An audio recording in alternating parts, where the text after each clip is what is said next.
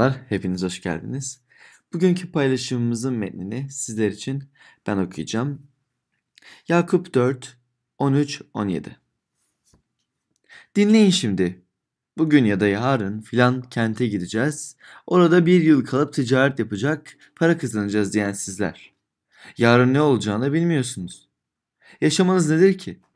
Kısa süre görülen, sonra yitip giden bu gibisiniz. Bunun yerine Rab dilerse yaşayacak, şunu şunu yapacağız demelisiniz. Ne var ki şimdi küstahlıklarınızla övünüyorsunuz. Bu tür övünmelerin hepsi kötüdür.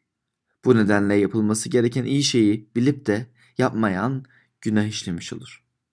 Bu Rabbin sözüdür. Amin. Şimdi paylaşımı için Simon abi sahneye davet ediyorum. Hoş geldiniz. Benim adım Vedat'ın söylediği gibi benim adım Simon ve ben bugün size vaaz vereceğim.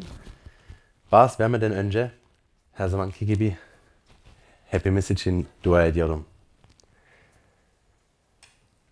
Ya göklerdeki babamız, senin önüne geliyoruz, sana geliyoruz ve senin sözünü dinliyoruz. Lütfen bugün hepimize konuş ve seni daha iyi tanımak için lütfen bize yardım et. Gökteki babamız bunu İsa adıyla dua ediyorum. Evet, birkaç haftadır beraber Yakup kitabına bakıyoruz. Neden? Çünkü bu kitap çok pratik bir kitaptır. Eğer ilişkilerinizde sorunlarınız varsa Yakup'ta bir cevap bulacaksınız. Dilinizi kontrol etmekte sorun yaşıyorsanız Yakup'ta bir yanıt bulacaksınız. Bu çok pratik bir kitaptır. Bunun nedeni birkaç haftadır Yakup e, kitabına birlikte bakıyoruz. İman ve eylemleri birleştirir. Bugün çok sıradan görünen ama inanılmaz derecede pratik olan bir konuya bakacağız. Yakup gitmekte de, gitmekten, plan yapmaktan ve para kazanmaktan söz, söz eder. Çalışmaktan ve nasıl kazanç elde etmeyi planladığımızdan bahseder. Para ve zenginlik bir sonraki bölümün de konusudur. Mektubunun da bundan da bahseder. Burada dördüncü bölümün sonunda planlama hakkında çok pratik bir şekilde konuştuğunu görüyoruz. Bugün, yarın ve bir yıl sonrası hakkında konuşuyor. Normal günlerimizi planlıyoruz. İşimizi planlarız. Ailemizle geçireceğimiz zaman planlıyoruz. Ve boş zamanlarımızı planlarız. Ve eğer çocuklarımız varsa çocuklarımız için de zaman planlarız evlenmek üzere olan bir çift tanıyorum. Her ikisinin de ailesi farklı ülkelerde yaşıyorlar. Ve düğünlerini birden fazla ülkede kutlayacaklar. Bunu yapabilmek için iyi planlamakları gerekiyor. Belediyede ne zaman evleneceğiz? Senin ülkene ne zaman gideceğiz? Benim ülkeme ne zaman gideceğiz? Yani iyi planlamakları e, gerekiyor. Ailelere konuşmamız, e, gerekiyor, bilet almamız gerekiyor ve her şeyi planlamamız gerekiyor. Planlama olmadan bu iş yürümez. Hayatımızın koşulları üzerinde biraz kontrol sahip olmak için hedefler belirler ve bir plan oluştururuz. Bir iş yeri açtığınızda plan yapmak zorundasınız. Kira ne kadar tutacak? Çalışana ihtiyacım var. Kaç çalışana ihtiyacım var. Hangi ürünü satacağım? Planlama yapmadan hayata kalamazsınız. Bu her zaman yapmamız gereken bir şeydir. Hayatımızın her alanında. Metne bakalım. 13. ve 14. 14. ayetlerde açıkça planlama ve geleceği biliyormuş gibi davranma hakkında olumsuz konuşuyor. 13. ve 14. ayetlerde şöyle der. Yine okuyacağım. Siz de okuyabilirsiniz. Dinleyin şimdi. Bugün ya da yarın filan kente gideceğiz. Orada bir yıl kalıp ticaret yapacak. Para kazanacağız diyen sizler. Ya da ne olacağını bilmiyorsunuz. Yaşamınız nedir ki? Kısa süre görünen, sonra yitip giden bu gibisiniz. Yakup burada plan yapmamanız gerektiğini mi söylüyor? Öyle değil. böyle bir şey söylemiyor. 15. ayette şöyle der. Bunun yerine Rab dilerse yaşayacak. Şunu şunu yapacağız demelisiniz. Gördüğünüz gibi her iki durumda bir şey yapmak söz konusudur. 13. ayette ve 13, 15. ayette yapmak ve planlamakla ilgilidir. Normalde yaptığımız ve planladığımız şeyler ile yapmamız gerekenler arasında temel bir fark olduğunu söyler. Yakup planlarınızı Tanrı ile birlikte yapmakla yapmamak arasında bir fark olduğunu söyler. Yakup planlarınızı Tanrı ile birlikte yapmakla yapmamak arasında bir fark olduğunu söyler. Ve 14. ayette Yakup günah hakkında da konuşuyor. Okuyacağım. Bu nedenle yapılması gereken iyi şeyi bilip de yapmayan günah işlemiş olur. Bizim göre, göremediğimiz bir günah olduğunu söyler. Hiçbir şey yapmadan işlediğimiz bir günah. Normalde günahların açıkça fark edebilir olduğunu söyleriz. Yalan söylediğimizde bunun dilimizle aktif olarak yaparız. Bir şey çalarsak bunu aktif olarak yaparız. Ama burada bir şey yapmadığımız zaman işlediğimiz bir günah görüyoruz. Bu günahı hiçbir şey yapmayarak, çaba göstermeyerek izle, izleriz. Yakup'un burada söylediği şudur. O kadar yaygın, o kadar doğal bir günah var ki muhtemelen onu görmüyorsunuz bile. Ne diyor bu günah? Basitçe yaşamınıza devam, devam etmek, bir plan yapmak, harekete geçmek, bir program belirlerken bu süreçte Tanrı'yı unutmaktır. Tanrı'yı unutmaktır. İşte bundan bahsediyor. Tanrı'yı unutmanın günah olduğunu söyler. Başka bir deyişle bahsettiği günah sürekli olarak Tanrı'ya atıfta bulunmadan yaşamak, plan yapmak ve çalışmaktır. 13. ve 15. ayetlerde hem ne yaptığınız hem de ne planladığınızla ilgilidir. Ancak burada açıkça fark ettiğimiz şey, bunun Tanrı ile birlikte yapmakla onsuz yapmak arasında bir fark olduğudur. Tanrı'nın 15. ayette ne dediğini görüyor musunuz? Bunun yerine Rab dilerse yaşayacak, şunu şunu yapacağız demelisiniz. Kendi isteğinize göre yaşamakla Tanrı'nın isteğine göre yaşamak arasında büyük bir fark olduğunu söylüyor. Büyük bir fark var. Yakup, planlarınıza Tanrı'yı dahil etmezseniz bunun olumsuz bir etkisi olacağını söyler. Tanrı, Tanrı ile olan ilişkinizi bozar ve size de zarar verir. Şimdi metnin üç yönüne bakalım. Tanrı görüşü, insan görüşü lütuf görüşü. Tanrı görüşü, insan görüşü, lütuf görüşü.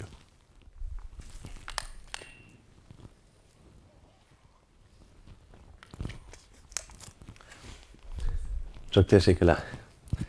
Tanrı görüşüyle başlayalım. Tanrı görüşü. Unutulmanın nesi bu kadar kötü? Size bir soru. Unutulma hoşunuza gidiyor mu?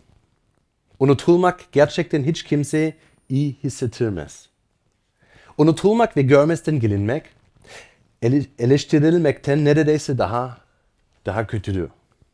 Nere, neredeyse unutulmaktan daha kötü bir şey yoktu. Düşünün, birinin bir parti verdiğini ve tüm arkadaşlarının davetli olduğunu ama senin davetli olmadığını düşünün. Bu kişiler senin yanın arkadaşlarınsa bu daha da kötüdür. Ya da bir arkadaşın tatile gitmek istiyor. Ve sen hariç herkese gelmek isteyip istemediklerini soruyor. Bu senin başına geldiğinde ne hissedersin? Tanrı unutulmanın ne anlama geldiğini görmek için kutsal kitaba bakalım. Orada bunun Tanrı'nın kınadığı bir günah olduğunu kolayca görüyoruz. Bu günah insanların onu unutması ve onsuz bir yaşam sürmesidir. Mesme 9'da şöyle bir bölüm vardı. Mesme 9, 16 şöyle yazıyor. Adil yargılarıyla Rab kendini gösterdi. Ve 17. ait. Kötüler ölür, diyarına gidecek. Tanrı unutan bütün uluslara da. Kötü olmak ne demektir? Tanrı unutmak. Bir sonraki ayet şöyle der. 18. Mesme 9, 18. 18. ayet okuyacağım. Ama yoksul büsbütün unutulmayacak. Mazlu, mazlumun umudu sonsuza dek kırılmayacak. Neler olduğunu görüyor musunuz? Tanrı şöyle diyor ve bunun tamamen adil. Eğer beni unutuyorsanız ve ben de, ben de sizi unuturum diyor. Eğer Tanrı unut, unutursanız siz de unutulursunuz. Tanrı hatırlayanlar hatırlanacaktır. Hatırlanmak ne demektir? Tanınmak demektir. Yeremya 2'de Tanrı'nın şöyle de, dediği bir bölümde vardı. Erden kız takılarını, gelin cehizini unutulabilir mi? Ama halkım sayısız günlerce unutur beni. Birkaç gün önce bir düğüne gittim. Sizlerden bazıları da o düğüne gittiler biliyor, biliyorum. Ve oradaki gelin çok güzelmişti. Saçları güzeldi. Büyük bir beyaz elbise taktı. Çok güzelmiş görünüyordu. Saatlerce hazırlık yapılmış olmalıydı. Birçok düğüne katıldım. Ve takılarını unutan bir gelin hiç görmedim. Neden? Çünkü bu çok önemli. O gün şık olmaktan, olabildiğince güzel olmaktan daha önemli bir şey yoktu. Tanrı der ki, bak senin için önemli olan şeyleri de hatırlıyorsun. Ama ben senin için önemli değilim. Hatırlıyorsunuz ama beni hatırlamadınız. Halkım beni unuttu. Beni günlerce unuttular. Görmesen gelinmek korkunç bir şeydir. Yakup'un başka ne söyledi dikkat edin. Bu sadece kötü değil. Aynı zamanda kibirli, gururludur. Tanrı unuttuğunuzda Tanrı'nın yerini almış olursunuz. Bu kötü bir şeydir. Kutsal kitap yaratılışta biz insanların Tanrı'nın suretiyle yaratılmamız, yaratıldığımız söyler. Tanrı bizi kendisine yansıtmamız için yarattı. Tanrı'yı yansıtmalıyız. Ama insan günaha düştü ve Tanrı'nın yüceliğini kaybettik. Tanrı'ya benzememiz gerekir ama günahımız bizi öylesine çarpıttı ki ona günahkar yollara benzemeye çalışıyoruz. Hala Tanrı'nın suretiyle yaratılmış durumdayız. Ama günah bu sureti bozmuştur. Bunu daha iyi anlamak için Tanrı'nın niteliklerini açıklamaya çalışayım. Onun karakterinin aktarabilir nitelikleri ve aktarılamaz nitelikleri ve özellikleri vardır. Aktarabilirlik, aktarılabilir nitelikler onun karakterinin nitelikleri ya da özellikleridir. Kutsal, sevgi, gerçek lütuf, merhamet, bilgilik. Bunlar onun karakterinin nitelikleridir. Bunlar aktarılabilir nitelikleridir. Bunlar insan olarak alabiliriz. Kutsal ruh aracılığıyla Tanrı'ya birlikte yaşadığımızda içsel olarak değişiriz. Lütufkar oluruz. Dürüst oluruz. Bilgi oluruz. Doğru oluruz. Kutsal oluruz. Onun aracılığıyla. Ancak Tanrı'nın aktarılamaz sıfatları da vardır. Aktarılamaz sıfatlar Tanrı'nın karakterlerinden öz, çok özüne ait olan sıfatlarıdır. Bunlar ona aittir çünkü o bir yaratıcıdır. Aktarılamazlar çünkü biz yaratılanız. Yaratılanız, faniyiz ve sonluyuz. Bizim sonumuz var. O ise sonsuzdur. O yaratıcıdır ve bu nedenle ona has nitelikleri sahiptir. Nedir bunlar? Örneğin Tanrı alimdir. Yani her şeyi bilir. Tanrı'nın her şeyi bilmesi, kelimenin tam anlamıyla her şeyi bildiği anlamına gelir. O her şeyi aynı anda bilir. Sizin ve benim içsel düşüncelerimizi de bilir. Tanrı aynı zamanda her şey kadirdir. Bu da yapabileceklerinin sınırı olmadığı anlamına gelir. dünya ve insanları sözleri aracılığıyla yaratmıştır. Bir de her yerde hazır ve nazir oluşu, oluşu vardır ki bu da aynı anda her yerde olduğunu anlamına gelir. Tanrı için başlangıçta yoktur. Bu da onun kendiliğinden var olduğu anlamına gelir. Anlıyor musunuz?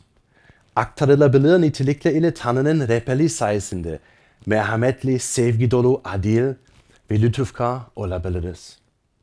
Aktarılmayan niteliklerin ise Tanrı'ya has olması gerekir. Ve bizler her şeyi bilen, her yerde hazır ve nazır olamayız. Bu Tanrı'nın neyin iyi ve neyin doğru olduğunu bildiği anlamına gelir. Bu da onun iradesinin iyi olduğu anlamına gelir. Günahın etkisi altında aktarılamaz nitelikleri ona benzemeye çalışırız. Bu yaşamlarımız için neyi doğru ve neyin iyi olduğunu kendimiz karar vermekle ilgilidir. Tanrı unuttuğumuzda onun aktarılamayan nitelikleri devreye girer. Neler olup bittiğini bilmek için yeterli bilgi sahipmişiz gibi davranıyoruz. Dolayısıyla Tanrı'yı unutmak, yaşamınızda ve dünyada Tanrı'nın yerini almaktır. Kendi isteğinize göre yaşamaktır. Bu bizim için ne kadar kötüdür. Şimdi insan görüşüne bakalım. İkinci düşünce gidelim. İnsan görüşü. Tanrı olmadan plan yapmanın nesi bu kadar kötü? Kendi isteğinize göre yaşamanın nesi bu kadar kötü? Sizce endişe nedir? Ben şöyle düşünüyorum. Hayal kırıklığına uğramış bir her şeyi bilme arayışıdır. Endişe gelecekte olabilecek şeylerden korkmaktır. Endişe kendinize ve kendiniz için yaptığınız plana güvenmektir. Bugün burada olmak sizin için nasıl bir şey? Endişeleriniz var mı? Endişe bir plana sahip olmak ve ne olacağını ya da ne olması gerektiğini bilmektir. Hayatım için ne doğru olduğunu biliyorum. Mutlu olmam için hayatımda ne olması gerektiğini biliyorum. Bunu söylerseniz her şeyi bilmek için çabalandığınızdan endişeleriniz sizi tüketecekler. Örneğin aşağıdaki cümleyi söylerseniz, biliyorum ve eminim ki Tanrı bunu yapmak zorunda. Ve eğer yapamaz, yapmazsa bu bir felaket olur. Bir felaket olacak. Bunu biliyorum ve Tanrı'nın bunu doğru yapamayacağından korkuyorum. Bu endişedir. Da Tanrı'yı unutmaktır. Bu hayatı kendi ellerinize almaktır. Aynı şekilde acı ve başarısızlığa yol açar. Yaşamımızda neyin doğru olduğunu bildiğiniz ve mutlu olmak için neye ihtiyaçınız olduğunu bildiğinizi söylediğinizde bu gerçekleşmediğinde o anda ne olur? Planınız gerçekleşmediğinde ne olur? Evlenmek istiyorsunuz ama bir eş bulmuyorsunuz. O zaman dünya karşı alaycı ve acımasız mı oluyorsunuz? Umutsuzca büyük bir iş kurmak ve çok para kazanmak istiyorsunuz. Ama bu gerçekleşmezse ne yaparsınız? 14. ayette şöyle der. Yarın ne olacağını bilmiyorsunuz. Yaşamınız nedir ki? Kısa süre görünen, sonra gidip giden bu gibisiniz. Hayatınız kendi ellerinizle değil. Yani ne getireceğini bilmiyorsunuz. İşte size bazı örnekler. Benim babam 3 ay önce bir omuz ameliyatı geçirdi. Ya rutin bir ameliyat. Bir e, tam anestezi ile olan bir e, ameliyat geçirdi. Ve aslında bir rutin hiç sıkıntı yok. Ama ameliyat sırasında beyin çok az oksijen gitti. Bundan sonra onun vücudunu felç etti. Ve yeniden yürümeyi öğrenmek zorunda kaldı. Ve Tanrı şükür yine yürümeye başladı. Ama hala tamamen konuşamaz. Um, yazın ailen büyük bir parti vermek istedi. Çünkü e, 50 yıllık evliliklerini kutlayacaklardı. İptal etmek zorunda kaldılar. Ya da başka bir örnek. Belki siz duymuşsunuzdur. Ee, birkaç gün önce arkadaşımız, e, arkadaşlarımız e, Michael ve Elisa evlendiler. Ve Elisa'nın babası Amerika'dan geldi. Yani onu ziyaret etmek için ve düğüne katılmak için. Düğünden birkaç gün önce gezerken düşmüş. Yani düştü ve e, bacağı kırılmış. E, hastanede kalması gerekti. Düğüne gidemedi. Düğün için geldi ama düğüne gidemedi. Çok acı. Ya da işte bir tanıdığım hikayesi. Birkaç yıl önce bir şirkete çok para yatırdım. Yatırmış. Sonra korona vurmuş ve şirket kapanmak zorunda kaldığı için tüm parasını kaybetmiş. Şimdi bir sürü borcu var. Ya da bir ilişkiniz var ve her şeyin yoluna olduğunu ve mutlu olduğunuzu düşünüyorsunuz. Sonra aldatılıyorsunuz ve aniden ilişki bitiyor ve çok acı çekiyorsunuz. Maalesef bu çok duyduğum bir şey. Ne olacağını bilmiyorsunuz. Yarın bu saatlerde, saatlerde ne olacağını bilmezsiniz. 10 dakika sonra ne olacağını bile bilmiyorsunuz. Endişeleniyorsunuz çünkü Tanrı olmadan plan yapıyorsunuz. Çünkü kendinizi onun yerine koyuyor ve yaşamınız için neyin iyi olduğunu bilirsiniz. Ya da tam tersi olur. Endişelemenin tam tersi nedir? Kendinizle övünmek. Onun için 13. ayete bakın. Ne var ki şimdi küstahlık, küstahlıklarınızla övünüyorsunuz. Bu tür övünmelerin hepsi kötüdür. Eğer başardıklarınızla gurur diyor ve kendinizle övünüyorsanız o zaman kendinizi takdir ediyor ve kendinizi tebrik ediyorsunuz demektir. Kendinize güvenirsiniz. Ve İsa Luka 12. bölümde bize harika bir benzetme sunar.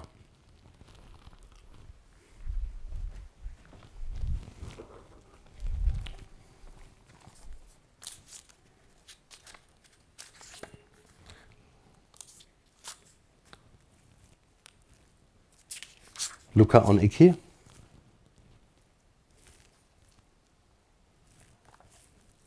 Nerede? Burası, pardon. İsa onlara şu benzetmeyi anlattı. Zengin bir adam toprakları bol ürün verdi. Adam kendi kendine ne yapacağım? Ürünlerimi koyacak yerim yok diye düşündü. Sonra şöyle yapacağım dedi. Ambarlarımı yıkıp daha büyüklerini yapacağım. Bütün tahillerimi ve mallarımı oraya yiyeceğim. Kendime ey canım yıllarca yetecek kadar bol malın var. Rahatına bak, ye, iç, yaşamın tadını çıkar diyeceğim. Ama Tanrı ona, ey akılsız dedi. Bu gece canın senden istenecek. Biriktirdiğin bu şeyler kime alacak? Kime kalacak? Kendisi için servet biriktiren ama Tanrı kadında zengin olmayan kişinin sonu, e, sonu böyle olur dedi. Gördüğünüz gibi zengin olmak ve mal mülk sahip olmak yanlış değil. Ama ilk olarak Tanrı'dan almadığınız hiçbir şey sahip değilsiniz. Ve ikinci olarak öldüğünüzde yanınızda hiçbir şey götüremezsiniz. Eyüp kitabında şöyle yazar. Bu dünya çıplak geldim ve bu dünyadan çıplak gideceğim. Kefenin cebi yoktu. Eğer Tanrı unutur ve yaşamınızı onsuz planlarsınız, ya korkak ya da guru olursunuz. Ama ruhunuz zarar görecek. Üstünlük kompleksi ile aşağılık kompleksi arasında gidip gideceksiniz. Peki yaşamlarımızı Tanrı ile birlikte nasıl planlayabilir ve yaşayabiliriz? Üçüncü düşünceye geçelim. Lütuf görüşü.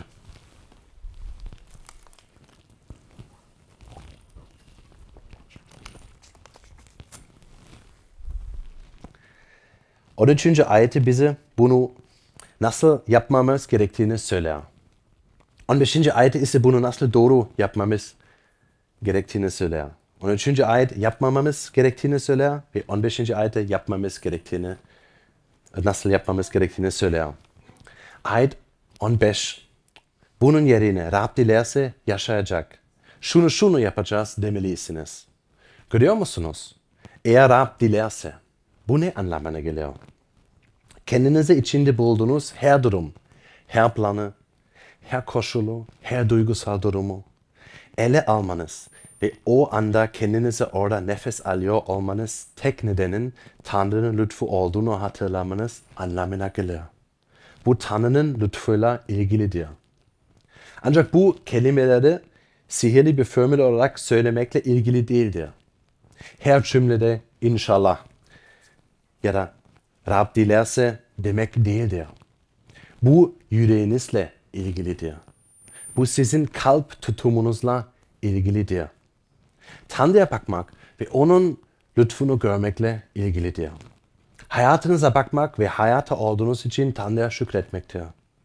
Hayata olmam, kalbim atması, sahip olduğum fırsatlar. Bunların hepsi lütuftur. Eğer Tanrı bana hak ettiğim şey verdiyse yok olurdum. Sadece Tanrı lütfuyla, lütfuyla yaşıyorum. Tanrı isterse yaşarım. Sadece onun isteğiyle, sadece onun lütfuyla yaşadım. Eğer bir konuda çok başarılı olursanız ve Tanrı lütfuna bakarsanız o zaman gurur duymaz. Aksine minnettar olursunuz. Çünkü bunun sizin için Rab mümkün kılmıştır. Her şey lütuf demek gururunuzu ve endişelerinizi ortadan kaldırır. Bu asla endişelenmeyeceğiniz anlamına gelmez. Elbette insanlar için ağlayacaksınız. Olaylar için ağlayacaksınız. Ve her türlü hedefiniz olacak. Ama bu sizi yiyip bitirmeyecek. Artık üstünlük kompleksi ya da aşağılık kompleksi olmayacak. Tanrı'nın lütfunu nasıl tanıyabiliriz? Tanrı'nın merhametli bir Tanrı olduğunu nasıl bilebiliriz? Bizi unutmadığını nasıl bilebiliriz? İsa çarmıhta gerildiğinde son sözleri şunla oldu. Tanrım Tanrım, beni neden terk ettin? Çünkü çarmıhta İsa'ya olan buydu. O unutuldu. Tanrı'nın oğlu İsa Mesih günahlarımız için çarmıhta idam edildi. Daha önce günah hakkında konuşmuştum. Günah o kadar kötüdür ki bizi Tanrı'dan ayırdı ve kendi başıma, başımıza Tanrı'ya gelemeyiz. Günahın bedeli ölümdür. Tanrı bizi kendisiyle paydaşlık içinde yaşamamız için yarattı. Böylece onunla sonsuza dek paydaşlık içinde yaşayabiliriz. Ama günah aracılığıyla ruhsal olarak öldük. İsa çarmıhta suçumuzun bedelini ilk ve son kez ödedi.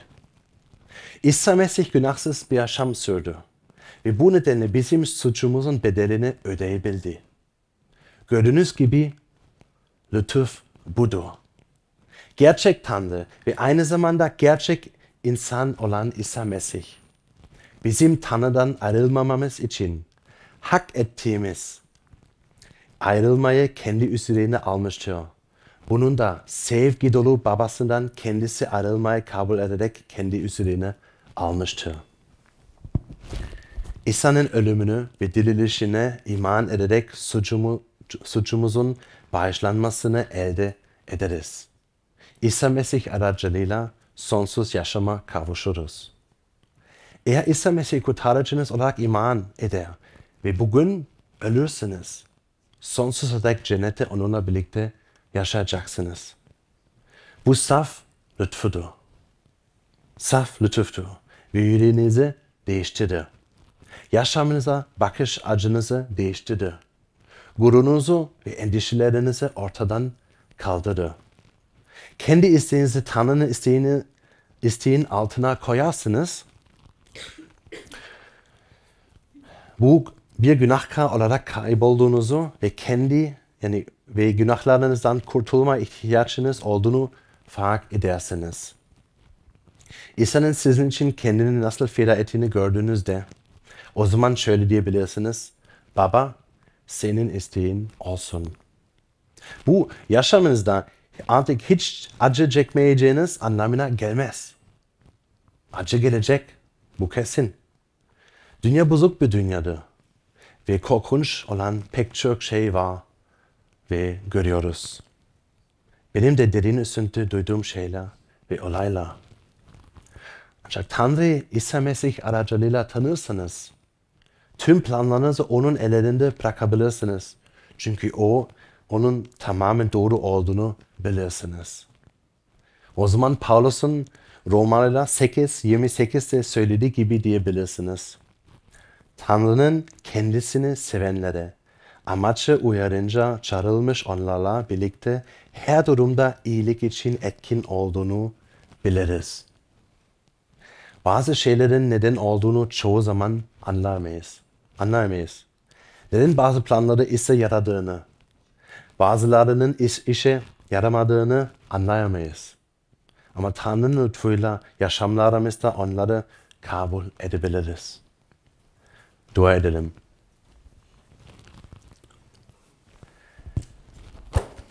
Ya gökte, göklerdeki babamız sana teşekkür ederiz. Senin sözünü okuyabildiğimiz için, senden duyabildiğimiz için sana şükrediyoruz Rab. Aynı zamanda yüreklerimiz için dua ediyorum.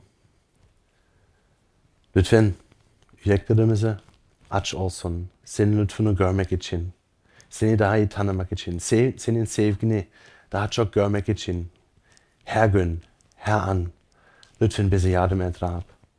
Kutsal Ruh aracılığıyla lütfen bizi konuş. Ve bazı şeyleri sana bırakmak için lütfen bize yardım et Rab. Senin lütuf büyük. Bunu görmek için lütfen gözlerimizi ve yüreklerimizi aç. İsa mesnediyle dua ediyorum. Amin.